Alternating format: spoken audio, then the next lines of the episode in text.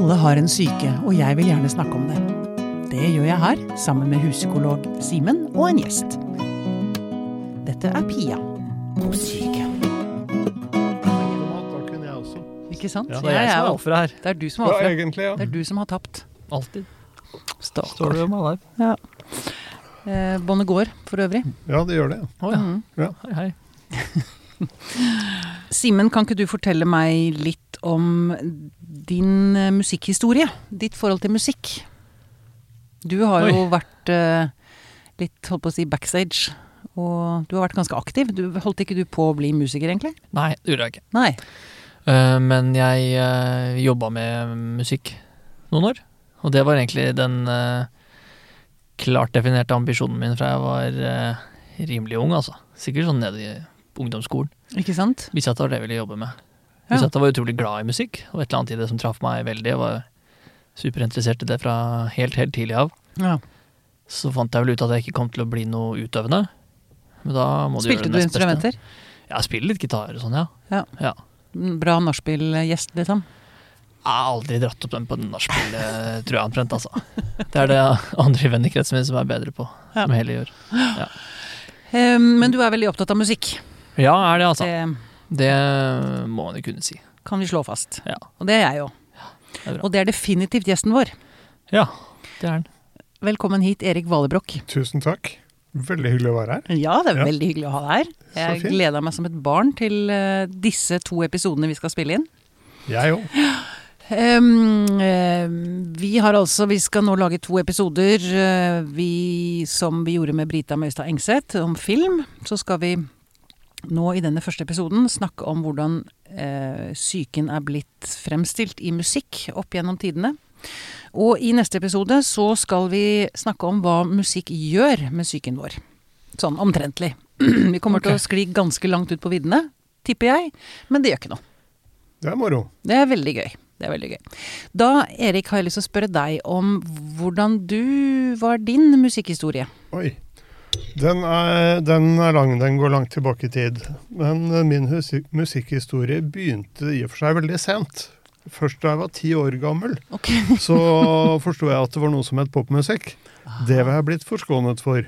Eh, hvorfor, hvorfor det? Nei, eh, mine foreldre var ikke interessert i popmusikk, så hjemme hørte vi klassisk og jazz, og jeg hadde av den grunn ikke noe særlig forhold til musikk, annet enn at jeg var glad i å synge barnesanger og sånn, som Ja. man jo gjerne er når man er barn. Og en liten parentes her. Du er sønn av Kåre Valebrokk, det vil si du er ikke hans biologiske sønn. Nei, det er jeg ikke, men han eh, var eh, for alt det har vært min far, sånn, I hjertet ditt. i hjertet mitt. Ja. Det var parentes slutt. Vær så god, fortsett.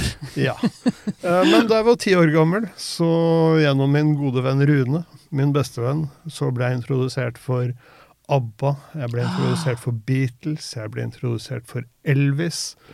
Og da var det liksom ingen vei tilbake. Da skjedde det ting. Da skjedde veldig mye oppi hodet mitt på en gang. Jeg forsto at jeg hadde gått glipp av en del. Ja.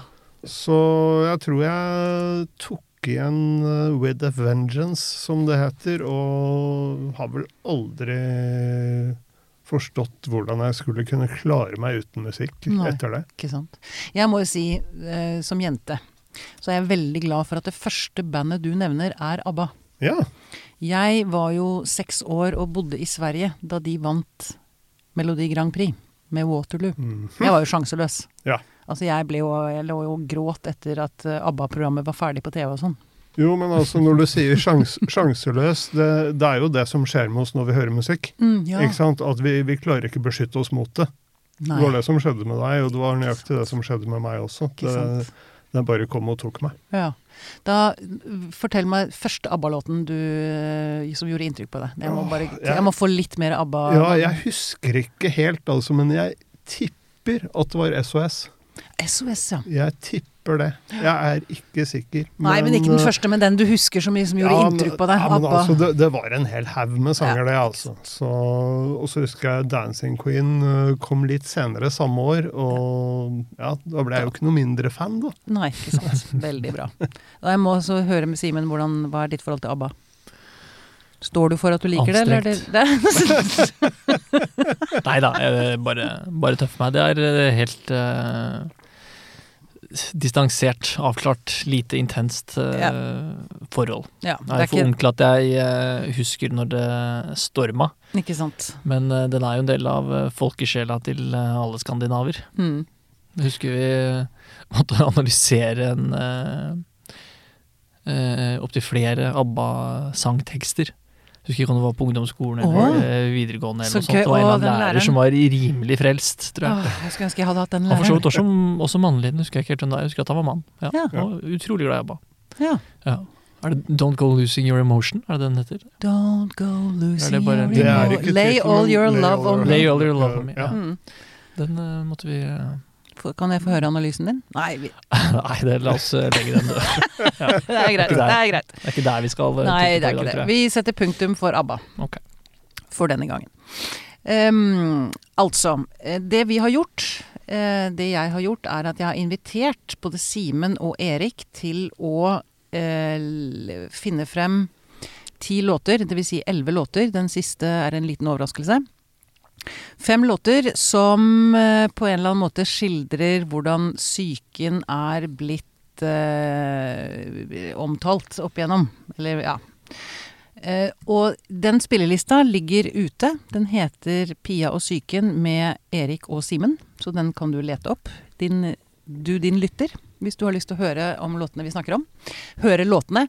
Men em, Erik, jeg eh, lurer på først litt sånn Hvis vi snakker litt sånn historisk Altså eh, Psyken tenker jeg eh, Det er jo mange Det er mye musikk som handler om psyken.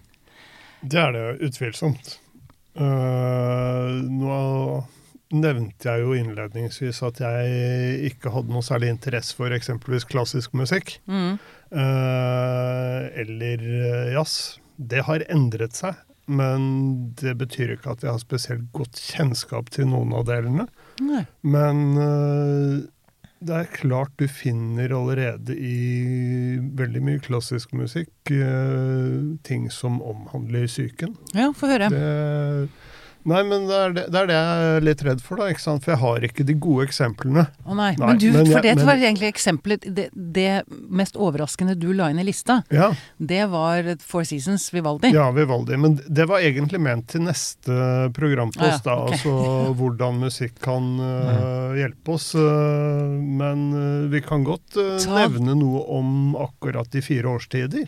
Fordi fire årstider, selvfølgelig. Ja, for Fordi det, det, er et, det er jo et veldig godt eksempel på hvordan musikk gjenspeiler ikke bare de fire årstidene, men også fire sinnstilstander. For det var det jeg tenkte da jeg så den. Ja, det var det. Jeg har Ja. ikke skilt veldig mellom Ja. eh, disse kategoriene, egentlig. Nei, og, og jeg la inn da den første satsen fra våren, Mm. ikke sant, som eh, er grunnleggende lys, optimistisk, Lett. lett. Den bærer bud om nytt liv. Mm. Altså der det ligger liksom implisitt en eller annen form for frelse der, Ja. som øh, Ja, man som lytter bør kunne kjenne seg litt igjen i, tror jeg. ja. Eh, har du noe forhold til klassisk musikk, Simen? Eh, Litt det samme som eh, Eriks, Mm. vil jeg kanskje si. Kvier meg nok også for å forplikte meg til det, for å få noen Ja. man eh, Ja, ja, ja, jeg skjønner. Jeg Jeg burde, ikke, jeg burde ikke sagt noe. Nei, jeg er veldig glad for at du, det, gjorde- det Det ble litt pinlig et lite øyeblikk, men jeg kommer jo fort over det. Jeg syns du kom eh, med en god, god, egofunksjon. Du rista det av meg. Ja, ja, ja, ja. Vi s- vi da har vi senka lista litt, da. Det er lov å eh, ikke ja, ja. kunne Veldig lov å ikke kunne alt, men jeg syns jo premisset til hele det spørsmålet er liksom umulig, da, Pia. Hva liksom Finn noen låter som har med psyken uh, å Ja, gjøre, eller psykisk helse. For jeg tenker det er jo Det er jo alt. Det er psykologiske temaer i hver eneste låt du, eh, du hører. Er derfor vi har et forhold til musikk. Ja. Det er eh, nyanser av den menneskelige opplevelsen, alt sammen. Mm. Derfor var det så vanskelig å bare skulle mm, pjatte ned noen låter òg, da. Og jeg Ja. var litt vanskelig på det. Fordi det er jo Hvilke låter er det som ikke kunne vært med der? Ja, ja, det kan du si, men det jeg kanskje var ute etter Jeg var kanskje ikke, jeg formulerte ikke spørsmålet mitt godt nok til dere. Fordi det jeg gjorde, det tok meg fem minutter å legge inn de ti første låtene. Virkelig. Fordi jeg, for meg så handlet det om hva Altså meg og min syke. Hvilke låter er det som liksom som jeg forbinder som, som beskriver meg best, av min syke. Jeg tror det var sånn jeg det nærmet gjorde meg. på tide hadde vært enda Da Ja. hever du ut terskelen enda Ja, mer. jeg, er jeg er helt enig. Altså, jeg forstår Ja. ikke hvordan det skal være mulig å gjennomføre en sånn øvelse på så Kjempelett. kort Bare ta de ti som virkelig Nei, representerer det nei, men- innerste i deg. Nei, ikke det innerste. Jeg sa aldri det innerste. Neida. Jeg sa bare det, For meg så var det så lett, og så har jeg liksom føyd til Det var et en eller to jeg tok bort, for jeg tenkte ah, de var vel ikke helt riktige. Men, men sånn i det store og det hele. Og saken er, som, som jeg tenker, er at de representerer meg nå. Altså, Mhm. de ti låtene som lå på top of my mind nå. Okay. Mm. Eh, det handler ikke om at jeg skal beskrives Altså min, hele min reise og alle mine fasetter skal beskrives av ti låter. Det er ikke det jeg sier. Okay. Ja, men her er, og her er vi inne på noe som jeg også har lyst til å spørre dere om. Og det er mulig du kan følge opp, eh, Simen, på det. Men for jeg mener at menn og kvinner har et veldig forskjellig eh, En veldig forskjellig innfallsvinkel til musikk. Altså Jeg tror den betyr det samme for oss. Men jeg opplever at menn ofte konkurrerer om å ha den beste musikksmaken, eller at det er mye lister og mye fakta og Jeg sier ikke at dere ikke blir berørt, det er ikke det jeg sier, men jeg opplever ofte hissige diskusjoner med menn som mener at de vet best om musikk. Du, er, du er definitivt inne på noe. Ja. Ja. Uh, for min egen del så har jeg sluttet å hevde at jeg vet best om musikk. Åh, det var godt. Jeg gjorde det så avgjort i yngre dager, men nå er jeg voksen nok til å skjønne at det er eh, helt fånyttes. Ja. Uh, men når det er sagt, kan jeg jo være nokså vrang og påståelig, tror jeg. Uh, jeg er, eh, som du antyder, også veldig glad i lister. eh, og det er nok en sånn mannlig egenskap, eh, en mannlig innfallsport til musikken. Mm. At vi, vi er litt glad i kåringer, rangeringer, den type ting. Mm. Eh, det er mulig at det er noe sånn samlergenet i meg Mm. som, Ja. gjør, som gjør at jeg vil på en måte Sette det i sammenheng og ja, sortere. sette ting i sammenheng. Uh, samle sanger i spillelister. Ikke sant? Ha, skape et sånt komplett bilde av et tema, Mm. En en stemning. sjanger, en stemning, Mm. en sinnstilstand. Mm. Det kjenner jeg igjen. Jeg har også en liste Ja. som heter bla, bla, bla. Hvor Ja. jeg legger inn ting jeg hører. Og Mm. den var gøy! Den legger jeg inn der. Ja.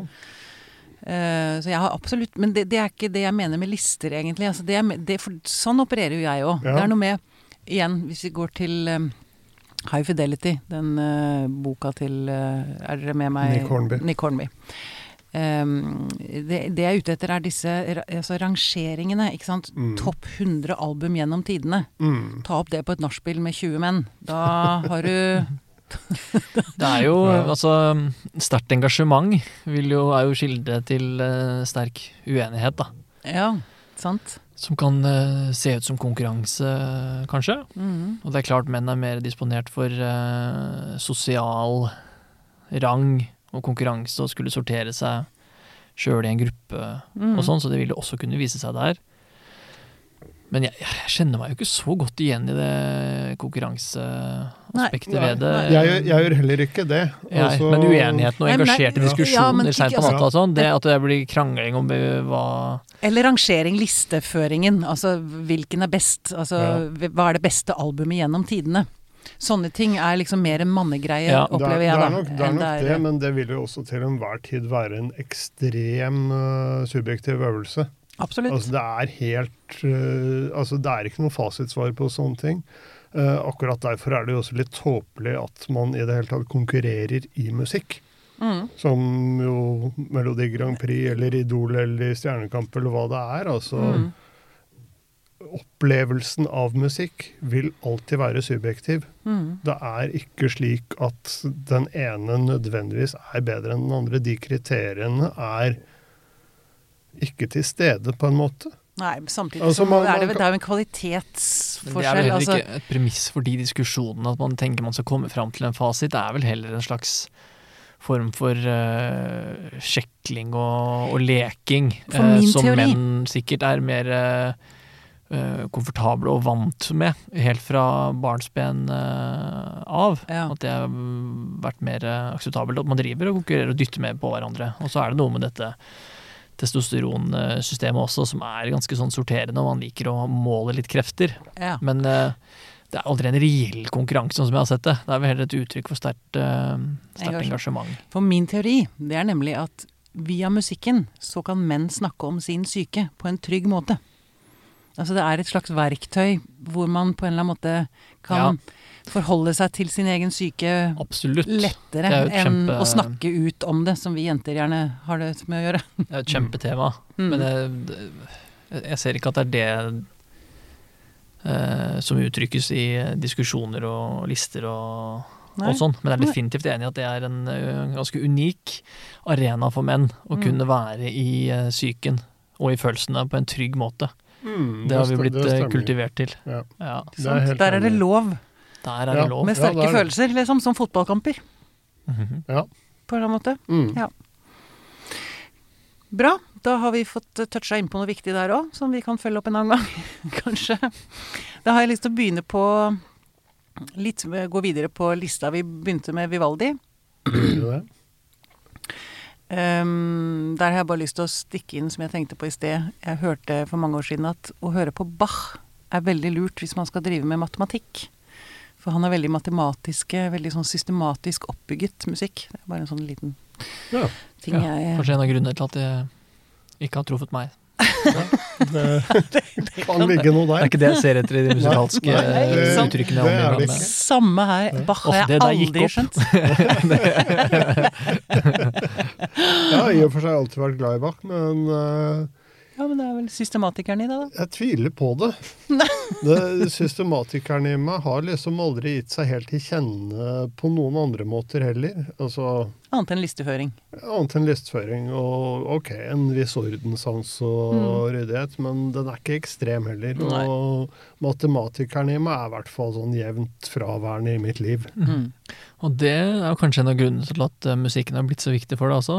For jeg tror det er noe som Mhm. tyder på at de, de mest nøkterne og rasjonelle og eh, analytiske kanskje ikke blir grepet på helt samme måte. Det tror jeg stemmer. Ah. Den gjengen som ikke tror på magi og sånn. Ja. Eh, Ja. ja. Ah, ikke tro på magi og sånn. Ja, ja. Det, det er gøy. Ja. Og eh, Freud hata musikk. Nei, gjorde han det? Ja. Gjorde han Når det? alle aksepterte at han ikke elsket det, og så er det noen som vil ha det til at han har et sånt fobisk eh, forhold til det. At han Ja. holdt seg for øra når han hørte eh, musikk. og. Hvorfor tror du det? Din tolkning av det, er han, ble han redd av sine egne følelser, tror du? Eh, han eh, har skrevet om det sjøl. Han kan bli grepet av visse typer eh, kunst, men eh, ikke musikk. Det nekter han seg, for han, han nekter å bli berørt av noe han ikke forstår hva treffer i han. Det er et uh, sitat som han skrev om seg selv i et sånn essay om kunst. Det er veldig interessant. Da går vi inne på magien igjen. Ja, for det er nøyaktig det Altså på en måte det motsatte jeg opplever, da. Nettopp. Helt At, enig. øh, at uh, jeg omfavner det jeg ikke forstår. Ja, Altså Det er derfor musikken er så fantastisk. plutselig Fordi griper den det. gjør, ja, den gjør ting med meg som jeg ikke ha- har hatt noen øh, påvirkning på Mm. for egen del. Altså Den bare treffer meg, som jeg sa i sted. Altså, du er sjanseløs i møte med musikk. Mm. Den, den bare gjør noe med deg. Den angriper sansene dine, Mm. den angriper hele kroppen Mm. din. øh, Fysikken og det mentale. Den, den bare er der i deg. Mm. Og det er umulig å forklare hva som har skjedd. Mm. Mm. Nettopp. I hvert fall for meg som lekmann, så er det det, det er sikkert Det er ingen som, det er ingen som klarer det det på en derfor, men der har vi magien. Ja, Man skjønner ikke hva som skjer, Nei, men man elsker det. Ja. Og jeg har jo brukt musikk helt aktivt i mitt arbeid med min syke. Mm. Fordi hvis jeg begynner å gråte av en sang, Ja. da er jeg inne på noe. Da vet jeg at jeg er på sporet av noe viktig inni meg. Mm. Nettopp. Ja. Eller du kan tenke hva er dette for noe eh, dritt som jeg ikke skjønner, skjønner Ja. hva. Eller hvorfor blir jeg sint? Ja. Det kan det også bli. Ja. Alanis Morissette, for eksempel, har jeg brukt mye. Mm. eh, For mange Ja. år siden. Eh, Et par av låtene hennes som var sånn Eller Rage Against the Machine. Ja. Nå er Det, er egentlig det er mye sinne der. Ja, vi er, jeg tror vi er egentlig inne på episode to, men det spillet, vet du hva, det dropper vi å tenke på. Vi, vi kategoriserer ikke dette, men vi må snakke litt om eh, så vi liksom har dekket litt av overskriften vi har gått ut med, da. Var det? Eh, ja, det var det. Eh, hvordan psyken er blitt um, Portrettert portrettert. Altså, vi, vi, ikke sant? vi har uh, Tears for Fears med Shout. Den- ligger faktisk ikke på lista. Men det er jo, altså, det er jo ren psyke, liksom. Altså, det er eh, Eller, ja. Jo, men hvis vi skal gå virkelig hardt til verk, så kan vi jo snakke om John Lennon og Aha. hans primalskrik i Mother. Så kjenner du den? Det snakket vi eh, Det var i en introduksjon Vi hadde en episode her, eh, flere episoder om Ja. følelser. Ja. Og det var, eh, det var det første gang jeg var her. Da snakket vi om det. Ja, primalterapi. Og som primalterapi, han, hvordan han skulle skrike inn seg inn i det. Ja. Stemmer det. Så det, er- det, er det er ganske heavy. Det er, det er tung materie. Det, Ja. det er definitivt en måte mentale problemstillinger er tatt opp i musikk, altså. En Ja. av de liksom desidert mest kjente. Mother, you, you had Ja. me, I never had you. Ja. Ja. Skrik, Det er- skrike det fra Ja. bunnen av magen. Ja. Men den er- finner man på Spotify. Jeg må Ja legge inn den i lista. Ja. Nå må jeg notere underveis. Ja, gjør det. Den, den finner du på Spotify. Mother Lennon. Ja. Er den vond å høre på? Jeg har aldri hørt den. Det, Ja, det kan du Man kan grue seg litt i den, liksom. Nei, altså, du gruer deg ikke. Det er jo fascinerende på en måte, men det er ganske voldsomt, da. Ja, Ja. ja, brutalt. Ja, Mm. Brutalt. rett og Ja, slett. Det, er, det er ærlig, ikke sant? Ja. nettopp. Ja, Ærlig. For hva det er direkte rett Ja. inn i sola plexus. Ja. Ingen metaforer. Det er jo ganske Det er også ganske deilig. Ja. ja, rett ut. Uh, Mother, you I wanted you, you didn't want me. Sier han det? Skri, ja, skriker. Skriker han? Mm. Ja. Shit.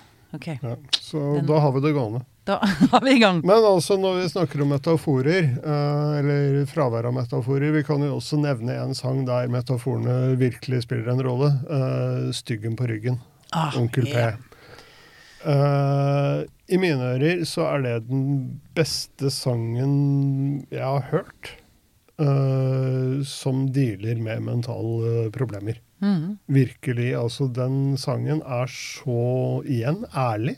Mm. Men den er også så ekstremt beskrivende for en følelse Altså for angst, som dette her primært dreier seg om. Da, for Mm. den følelsen nå, nå har jeg aldri vært disponert for noe særlig mentale forstyrrelser, så jeg kan egentlig ikke helt forestille meg hvordan angst oppleves.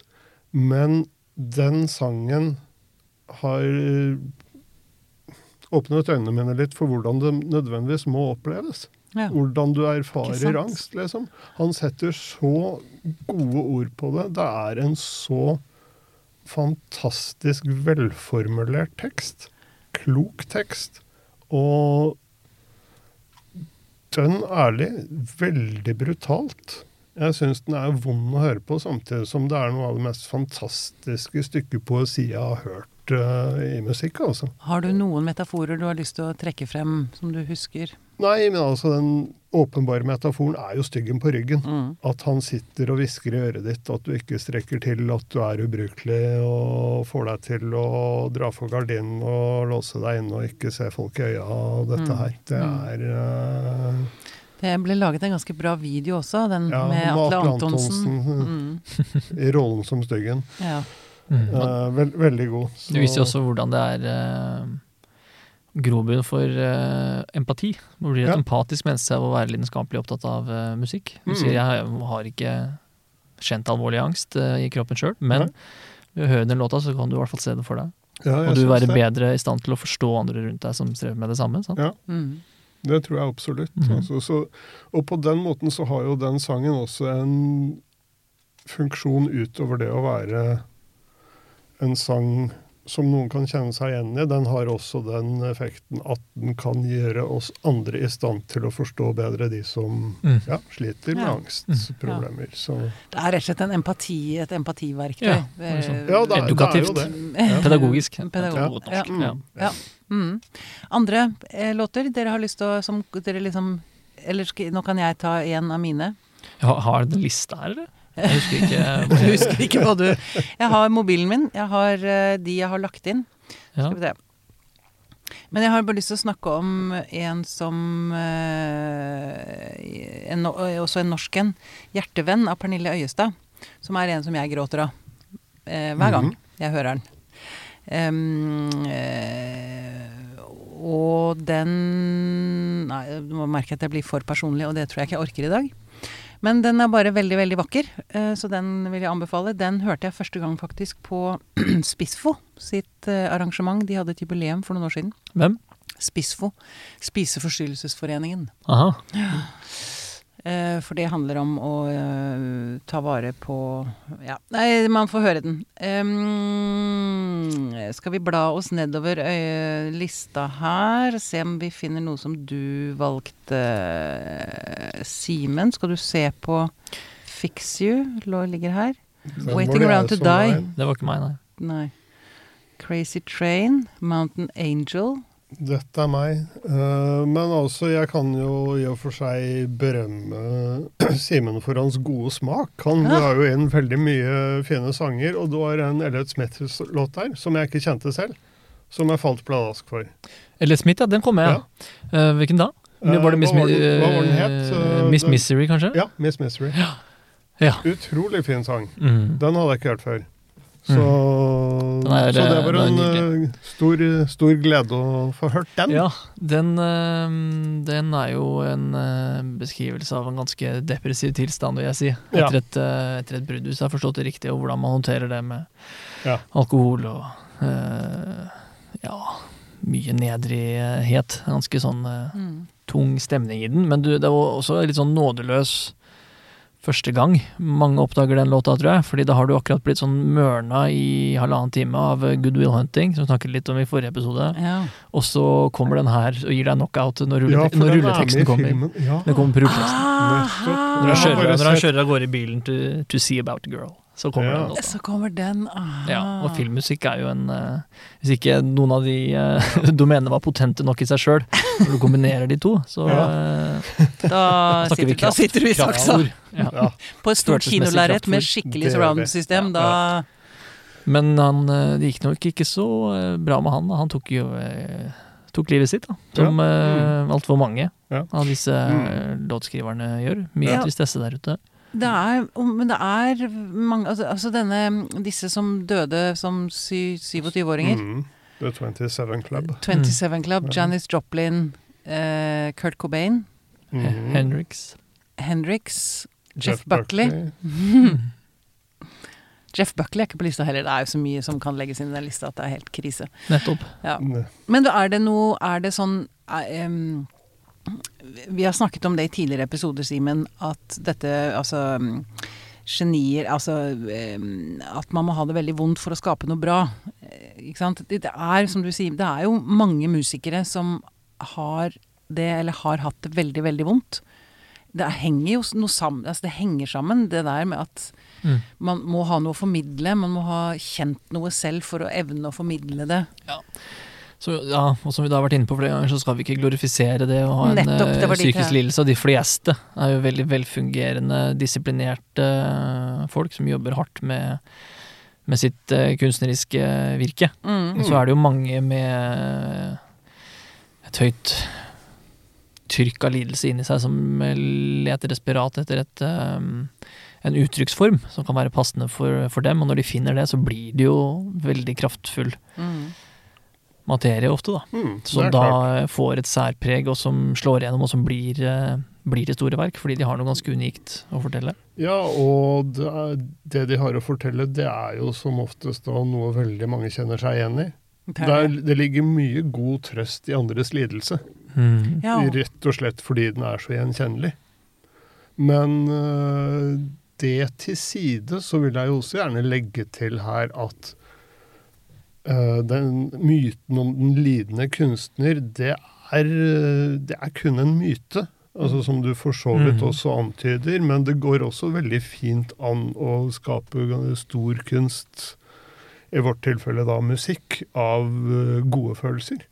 Ja. sant? Det er veldig mye positiv musikk som i mine ører er høyverdig, for å, for å si det slik. Du Ja. må ikke være Du Må må ikke være... nå rock bottom for å kunne lage noe bra. Du Må ikke være Nick Drake, liksom. Nei, du trenger ikke det. Du kan være Beach Boys. Lollipop. Beach Boys. Jo, men altså Det, er mye, det er mye tristhet der også, egentlig. Når jeg Ja. Jo, men altså Vi har, jo, vi har, vi har jo snakket om ABBA, Ja, for eksempel. sant. Altså, De har jo både triste og glade sanger. Det, Mm. det går litt sånn i hverandre. Mm.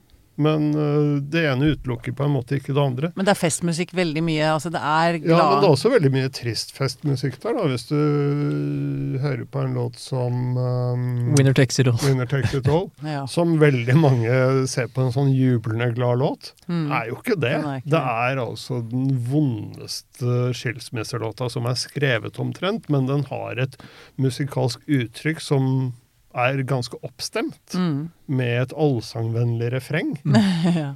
Og det, det er en måte å lure lytterne på, ja. men altså, det, det er en veldig trist sang.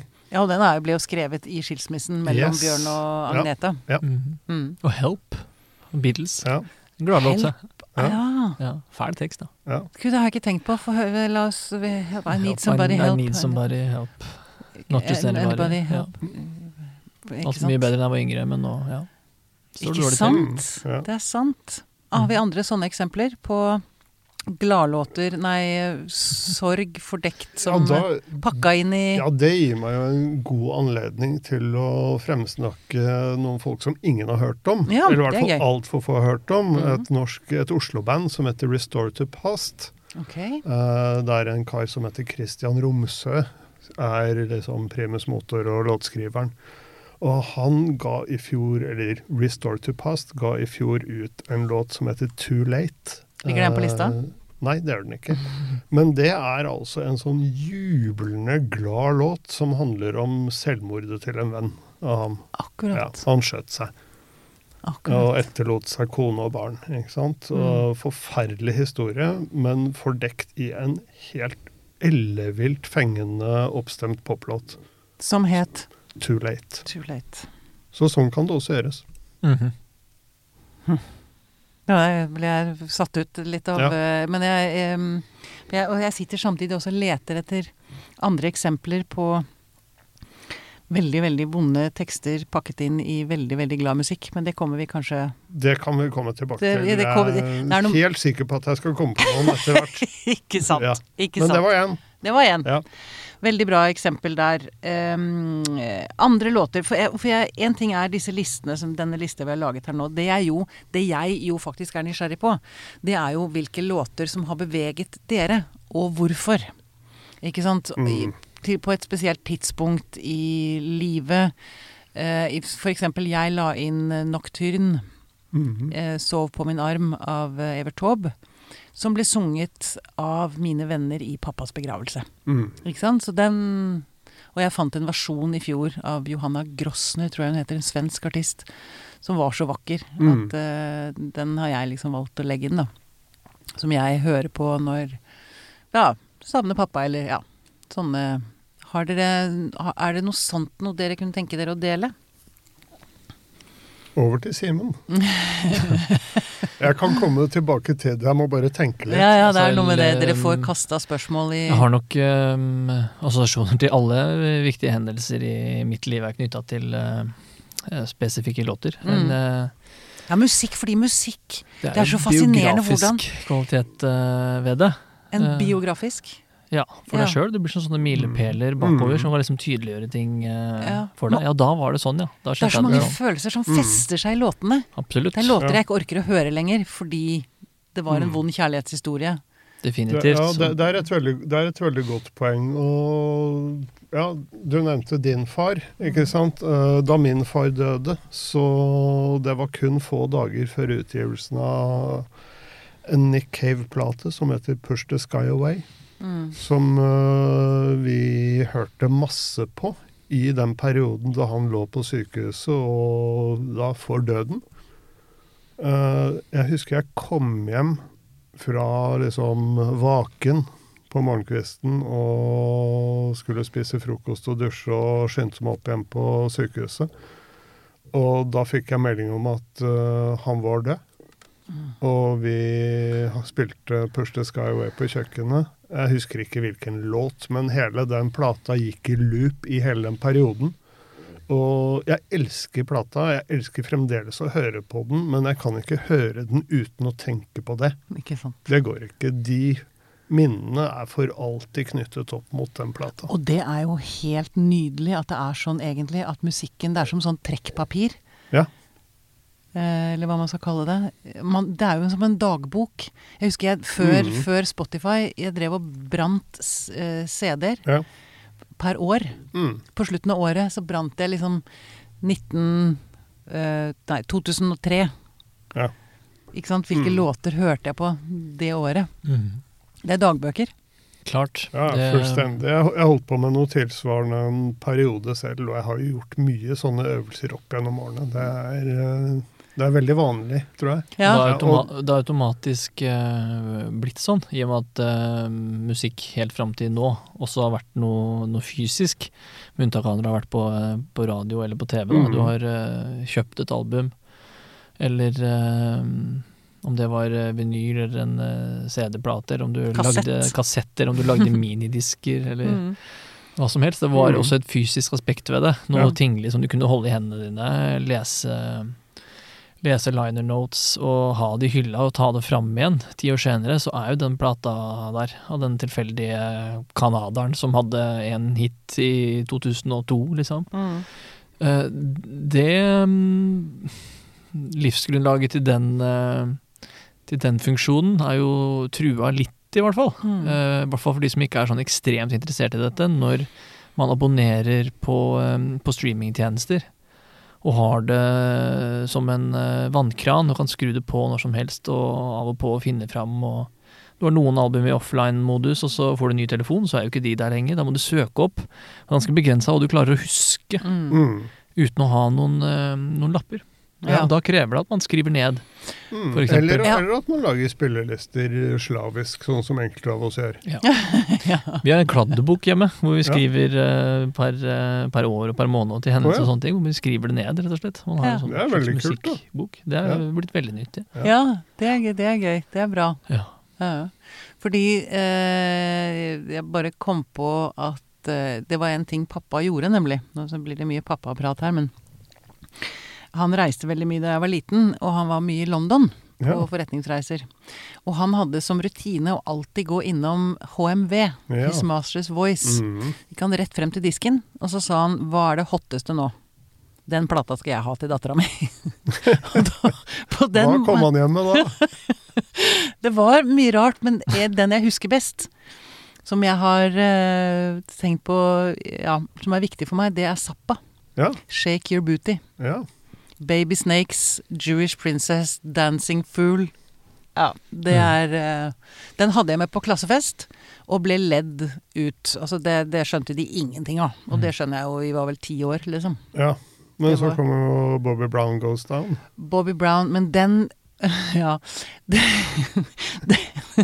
Den laget jeg eh, revynummer på til eh, klasseforstanderen min i 9. klasse, da jeg hadde revyvalgfag. Ja.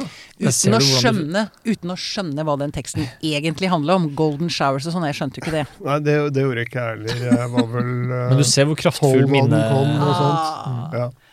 hvordan, Hvor kraftig minnebank det fungerer som. det er Du kan liksom se for deg den scenen med læreren din, bare Ja. du hører tittelen på låta. Ja.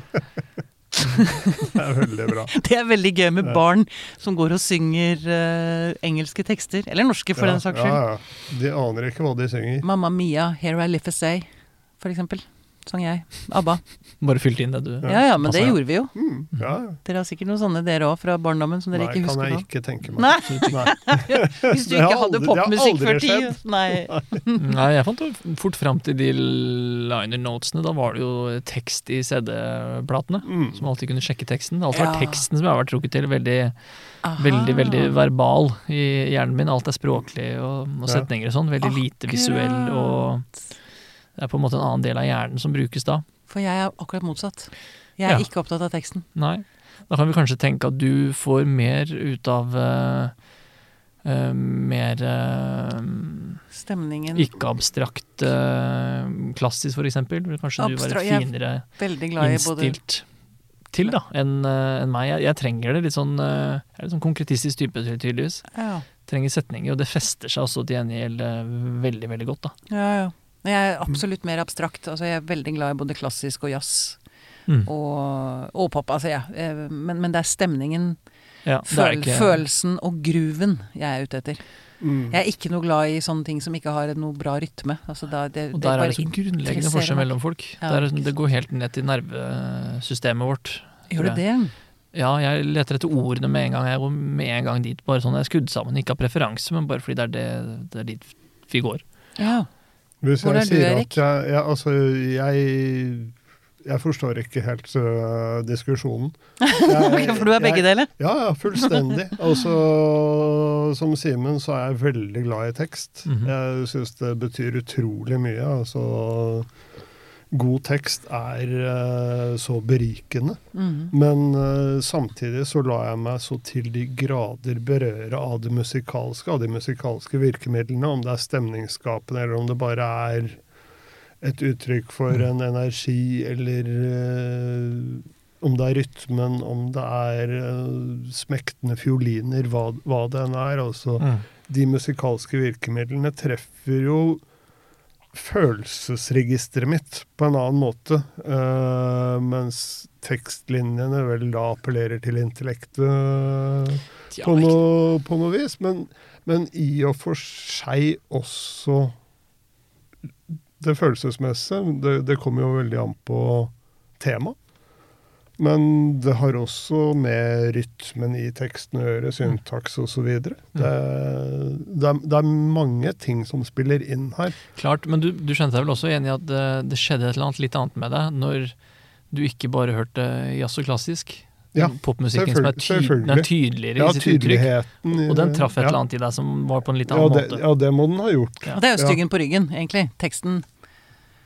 Altså Det, altså, det er jo et godt eksempel på en tekst som treffer pga. sitt innhold, mm. og at den er velskrevet. Men øh, det er også veldig mye i musikken der som er øh, Hva skal vi si uh, Som appellerer til en lytter.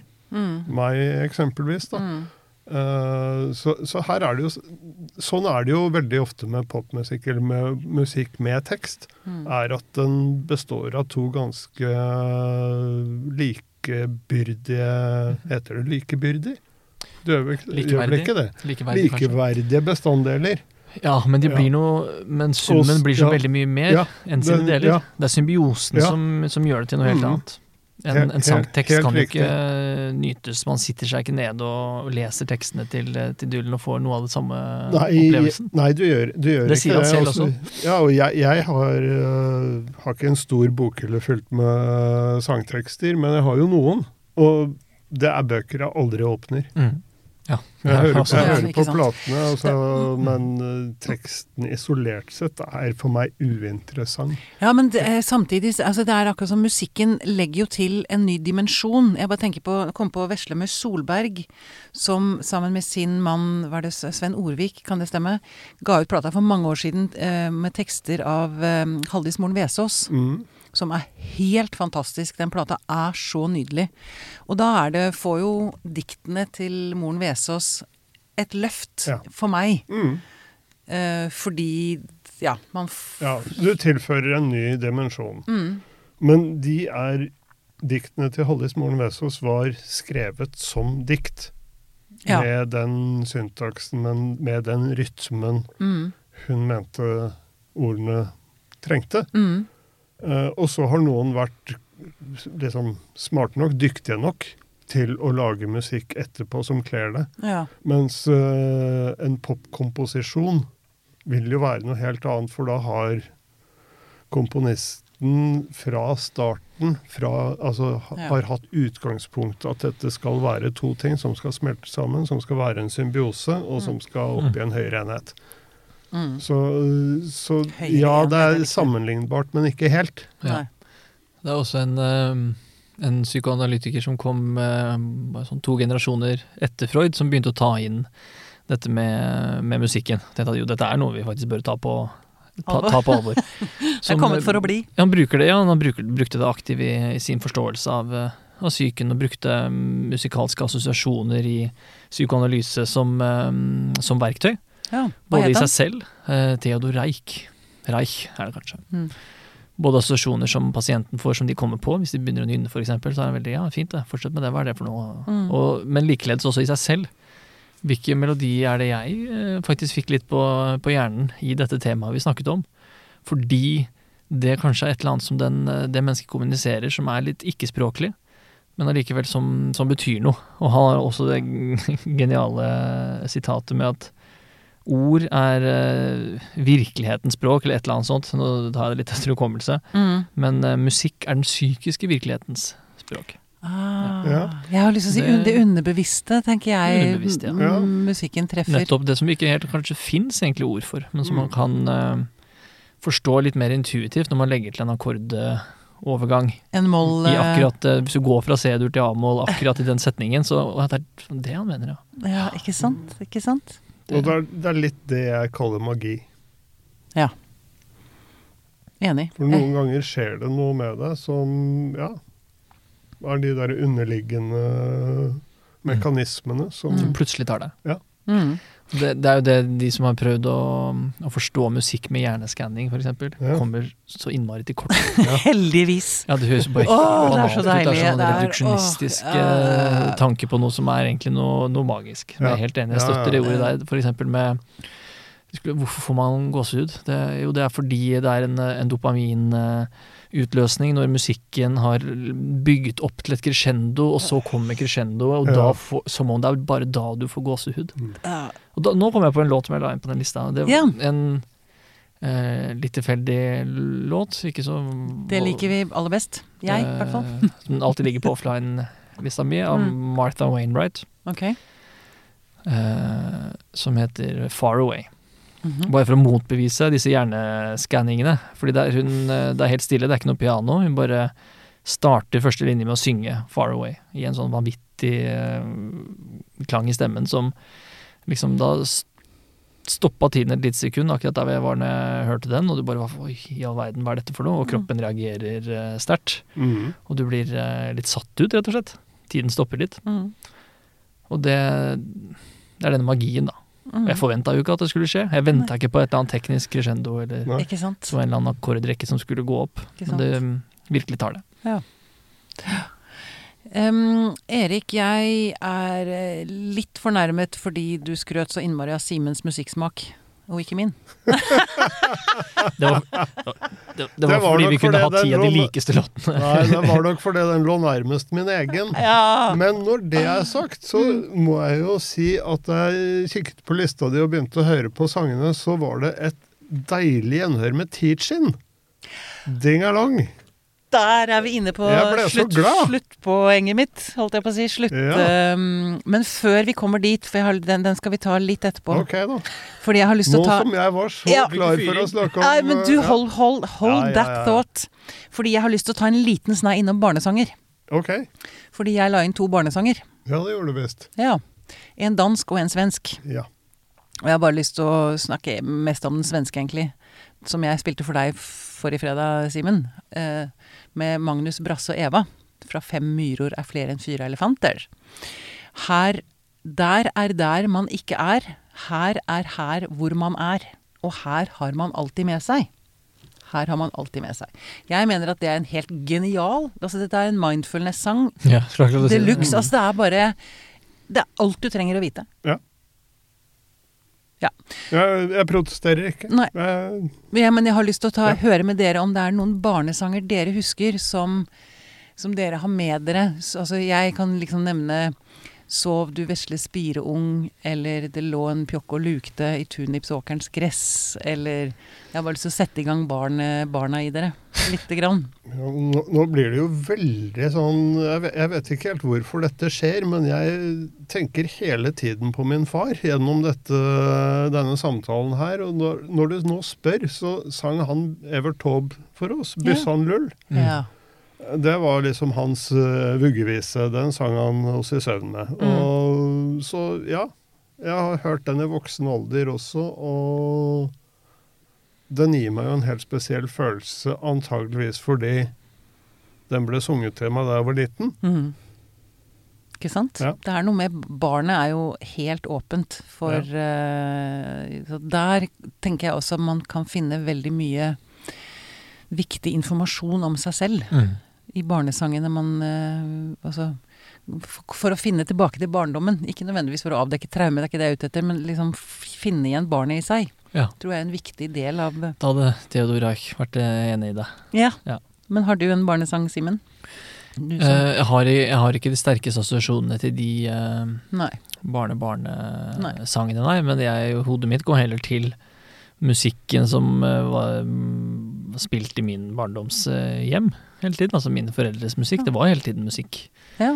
der, overalt. Det er jo naturlig. Hadde, hadde jeg hørt ABBA hjemme, så hadde jeg antageligvis hatt et annet forhold til dem. ikke sant? Mhm. Men, Nettopp. men jeg har med Bussan Lull hjemmefra, da. Mhm.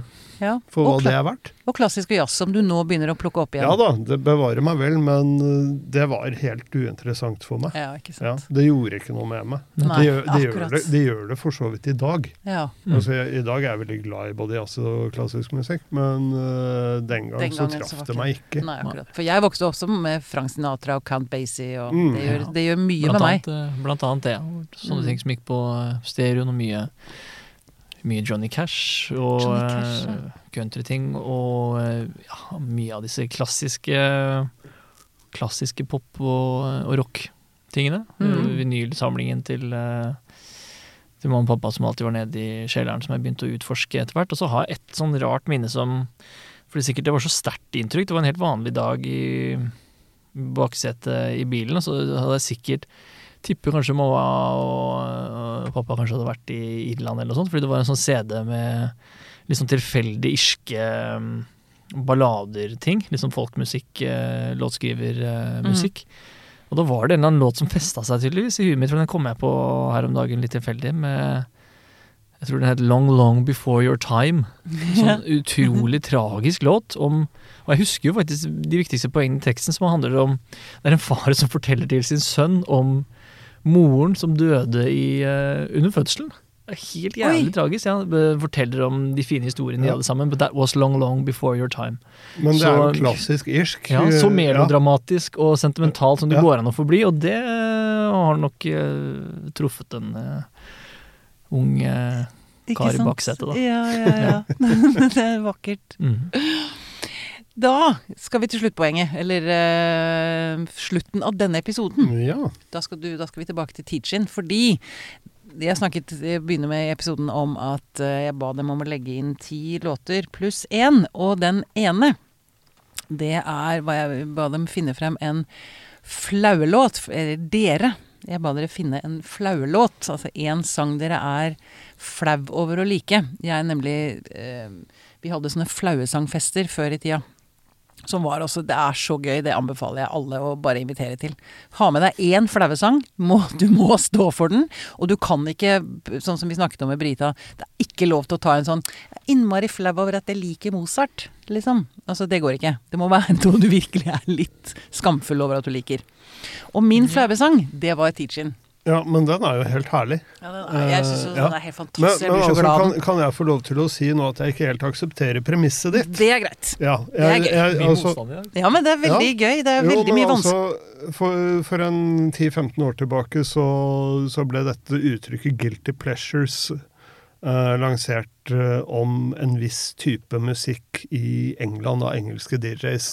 Ok. Eh, og i den bagen så havna liksom alt mulig rart, men premisset var uansett at dette var musikk man egentlig ikke skulle snakke høyt om at man likte. Eh, og det slår meg som utrolig tåpelig. Uh, jeg var der selv. altså Jeg er jo gammel musikkjournalist som har liksom hatt, uh, hatt min sånn runde med selvforherligelse og likte den i gåseøynene rette Kred. musikken. Kred. Jeg hadde masse kredibilitet. Jeg var såkalt kredibel musikkjournalist. Uh, så, så blir man jo eldre, da. Mm. Så skjønner man kanskje Det har i hvert fall slått meg at det kommer jeg ingen vei med. Den holdningen kan jeg ikke bruke til noen ting. Mhm. Eh, for meg er det mye mer givende å sette pris på musikk enn å mislike musikk. Mm. Og er det musikk jeg da på et eller annet tidspunkt har mislikt, så slår det meg at gjorde jeg nå egentlig det? For utrolig mange ganger har, har det skjedd at det har gått noen år, og så hører jeg en låt som jeg da ikke har uh, hørt på ja, si fem år, ti år kanskje. Som jeg erindrer å ha hatet. Men som da treffer noe i meg. Da kommer dette her med gjenkjennelsen inn i bildet. At du blir glad, musikken gjør noe med deg. Den treffer deg på en måte som er litt uforklarlig. Og konklusjonen på det er jo strengt tatt at Oi, dette liker jeg. Mm. Så, så det der med å, skamme seg over den musikken man øh, hører på, man liker, det aksepterer jeg ikke helt. Jeg er ikke flau over å like noen musikk. Men jeg la inn en, øh, en låt. Jeg, jeg gikk med på premisset for å være snill.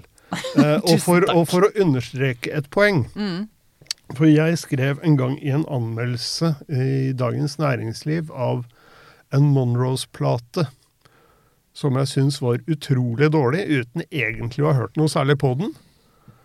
Og så fikk jeg det Klarte jeg å skrive da at dette er sånn De må føle seg litt dumme, de som hører på Monroes. Et eller annet sånt.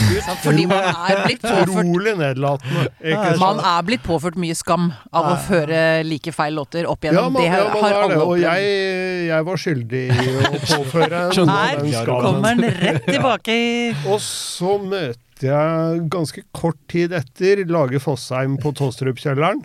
Vi har aldri møtt hverandre før.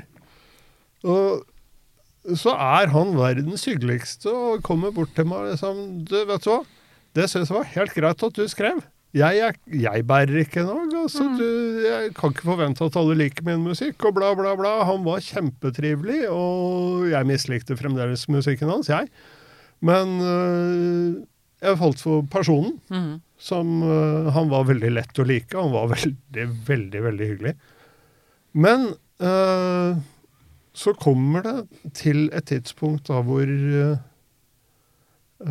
den store Monroes-klassikeren Cheerio dukker opp på radaren min på, av en eller annen grunn. Jeg får, jeg får høre den igjen etter mange år. Og jeg, slår meg Jeg tar meg jo selv i å like den. Mm. Så, så jeg valgte rett og slett Cheerio med The Monroes for å illustrere dette poenget. Veldig bra. Mm. Det er Veldig fin historie. Takk. Så var det en kald jævel for- hvis ikke du syns det er en fin låt. Ja, da har du et hjerte av is. Ja, da vipper vi det over til Simen. Ja. Har du en flauelåt? låt? jeg steller meg veldig bak det resonnementet, da. Mm. Med at det er, skal ikke være så flau. Nei, men jeg har Altså- lyst til å bare si at, eh, som jeg var inne på i sted, man blir Jeg er blitt påført mye skam Ja. opp igjennom f.eks. for å like ABBA. Det er jo ikke lov, egentlig, ikke sant? Blant kredible eh, Og nå er det kanskje blitt Ja, nå, nå, er, nå er det helt greit. Nå koster det meg ingenting, Ja. men nå er jeg blitt 54. Ikke sant? Det er noe med det. Når du Mm. er 27, og en av tøffeste gutten i bakgården sier at 'fy faen, dritten du hører på'. Ja, det, er jo, det beror jo på egen, eh, egen usikkerhet. Hvis du er avhengig Ja. av disse sterke linjene for å bevise for deg sjøl hvem du er. Ja, Og så er det tegn på modenhet når du kan slippe de der igjen. Da er du sikker nok på at du veit ikke sant. Kan gi fingeren er. til eh, Som Jung sa vel noe sånt som at den første halvdelen av livet så må du liksom finne ut av eh, egoet ditt og hvem du er, og så kan du bruke neste halvdelen på å slippe det løs. Ikke sant. Ja. Så det er jo mye modning i dette her, tenker jeg. Kanskje Ja. er det en slags modning i kulturen, da. Hvis vi kan uh, gå over fra å kalle det guilty pleasure til at det bare er pleasure. Pleasure. Som også Sandre Lerche skriver i den nydelige boka si om uh, musikk. Ja. Er Som er imot så fin. Er veldig fin bok. skriver så Og godt. hør på lydboka, enda Ja. hyggeligere. Han leser Ja, den sjøl. sier du det? Uh, Ja, det- var det noen andre som fortalte meg at jeg utrolig burde gjøre også. Ja. Ja. Hva heter boka? Eh, all- Alle sanger handler om handler om deg. Ja. Ah, han må vi få i studio. ja, Ja, han er en uh, fest av en fyr. Han er Ja. herlig. Ja. Det er her, herved invitasjonen gått ut til Sondre Lerche. Men uh, jeg tenkte, det kan jo også bare bety liker du musikk som folk flest syns er rar? Kan du jo kanskje oversette det som, da, det mm. spørsmålet ditt. Mm. Eh, det har jeg mye av. Ja, da men, kunne jeg bare velge å, velge å vrake. men veldig- én sang som du liksom ville kvite deg litt for å sette på, på klassefesten nå, ti år senere. eh, eller hvis du hadde hatt en Som folk ville synes var teit, i hvert fall. ja, ja, som folk ville tenkt Hæ, liker Simen den? Det var Ja. rart. Da har jeg jo lagt inn uh, Chicken Pride av Zac Brown eh, Band. Den er jo dritbra! Ja. Ja. Så nå, nå, driver han, nå, nå driver han med sånn derre omvendt Har du hørt den, eller? Nei. Nei, det er tulle... Det er ikke noe snikkred, altså. Det er eh, bare feel good. Ja, det er det. Ja. Det er altså sånn All American eh, barbecue party, ja, ja. og det er Ja. eh, Det handler om å elske eh, fritert kylling og USA. Ja. Ok. Gjør du det, så er det låta for deg. Altså. Den er helt nydelig. Ja. Da blir, det er sånn du hører på på eh, fredag etter jobb på vei hjem. Og Ja, det blir god sant. stemning. det blir god stemning. Ja. Men folk flest vil nok synes det har vært, eh, Ja. vært litt rart. Men jeg utfordrer deg til å sette den på og prøve å ikke smile gjennom. Det skal vi Lykke til med det. Ja. da er det snart vorspiel eh, og um, dingedong. Dingedong med Tichin. Den også er god stemning. Mhm. Enig i det, Erik? Ja, ja, ja. Du, du, jeg avbrøt deg jo sted. Fantastisk låt. Ja, du gjorde jo det, men uh, det var et gledelig gjenhør. Ja, La meg si det slik. ikke sant? Ja. Det var også Grand Prix. Det I var det- 75-76 ja, eller noe sånt. 75. 75, ja. Mm. Jeg fikk med meg den eh, neste Grand Prix-vinneren. Brotherhood of Man med Ja. Save Your Kisses For Me. ja. Det var 76, og da var jeg liksom offisielt uh, popentusiast. Akkurat. Ja. Nettopp. Så hørte jeg faktisk da Dingedong, eller Dingelong, Dingedong. i, i ettertid, og åpenbart også Waterloo, da. Så, Ja, Og mye annet. Og mye annet. Det er mye Ja, Grand det er en annen historie. Det er en annen historie. Um, eh, skulle jeg noe sted nå? Nei, egentlig ikke, tror jeg. Jeg tror vi bare avslutter denne episoden og Mm. sier eh, thank you for the music. Den hadde du venta på. Nei, egentlig ikke. Veldig bra. Egentlig ja, ikke. elegant. Jeg skulle bare lagt det siste ord. Beklager det. Alltid skal Du du ødelegge, altså. Du kan bare kutte, kutt oss ut. Nei, Kutt, Aldri. kutt, Kutt, kutt. kutt, kutt! Vi kommer tilbake neste uke med mer, kan vi si. Vet ikke helt hva, men vi kommer tilbake med mer. Det gjør vi. Ja. Garantert. Ha det! Ciao.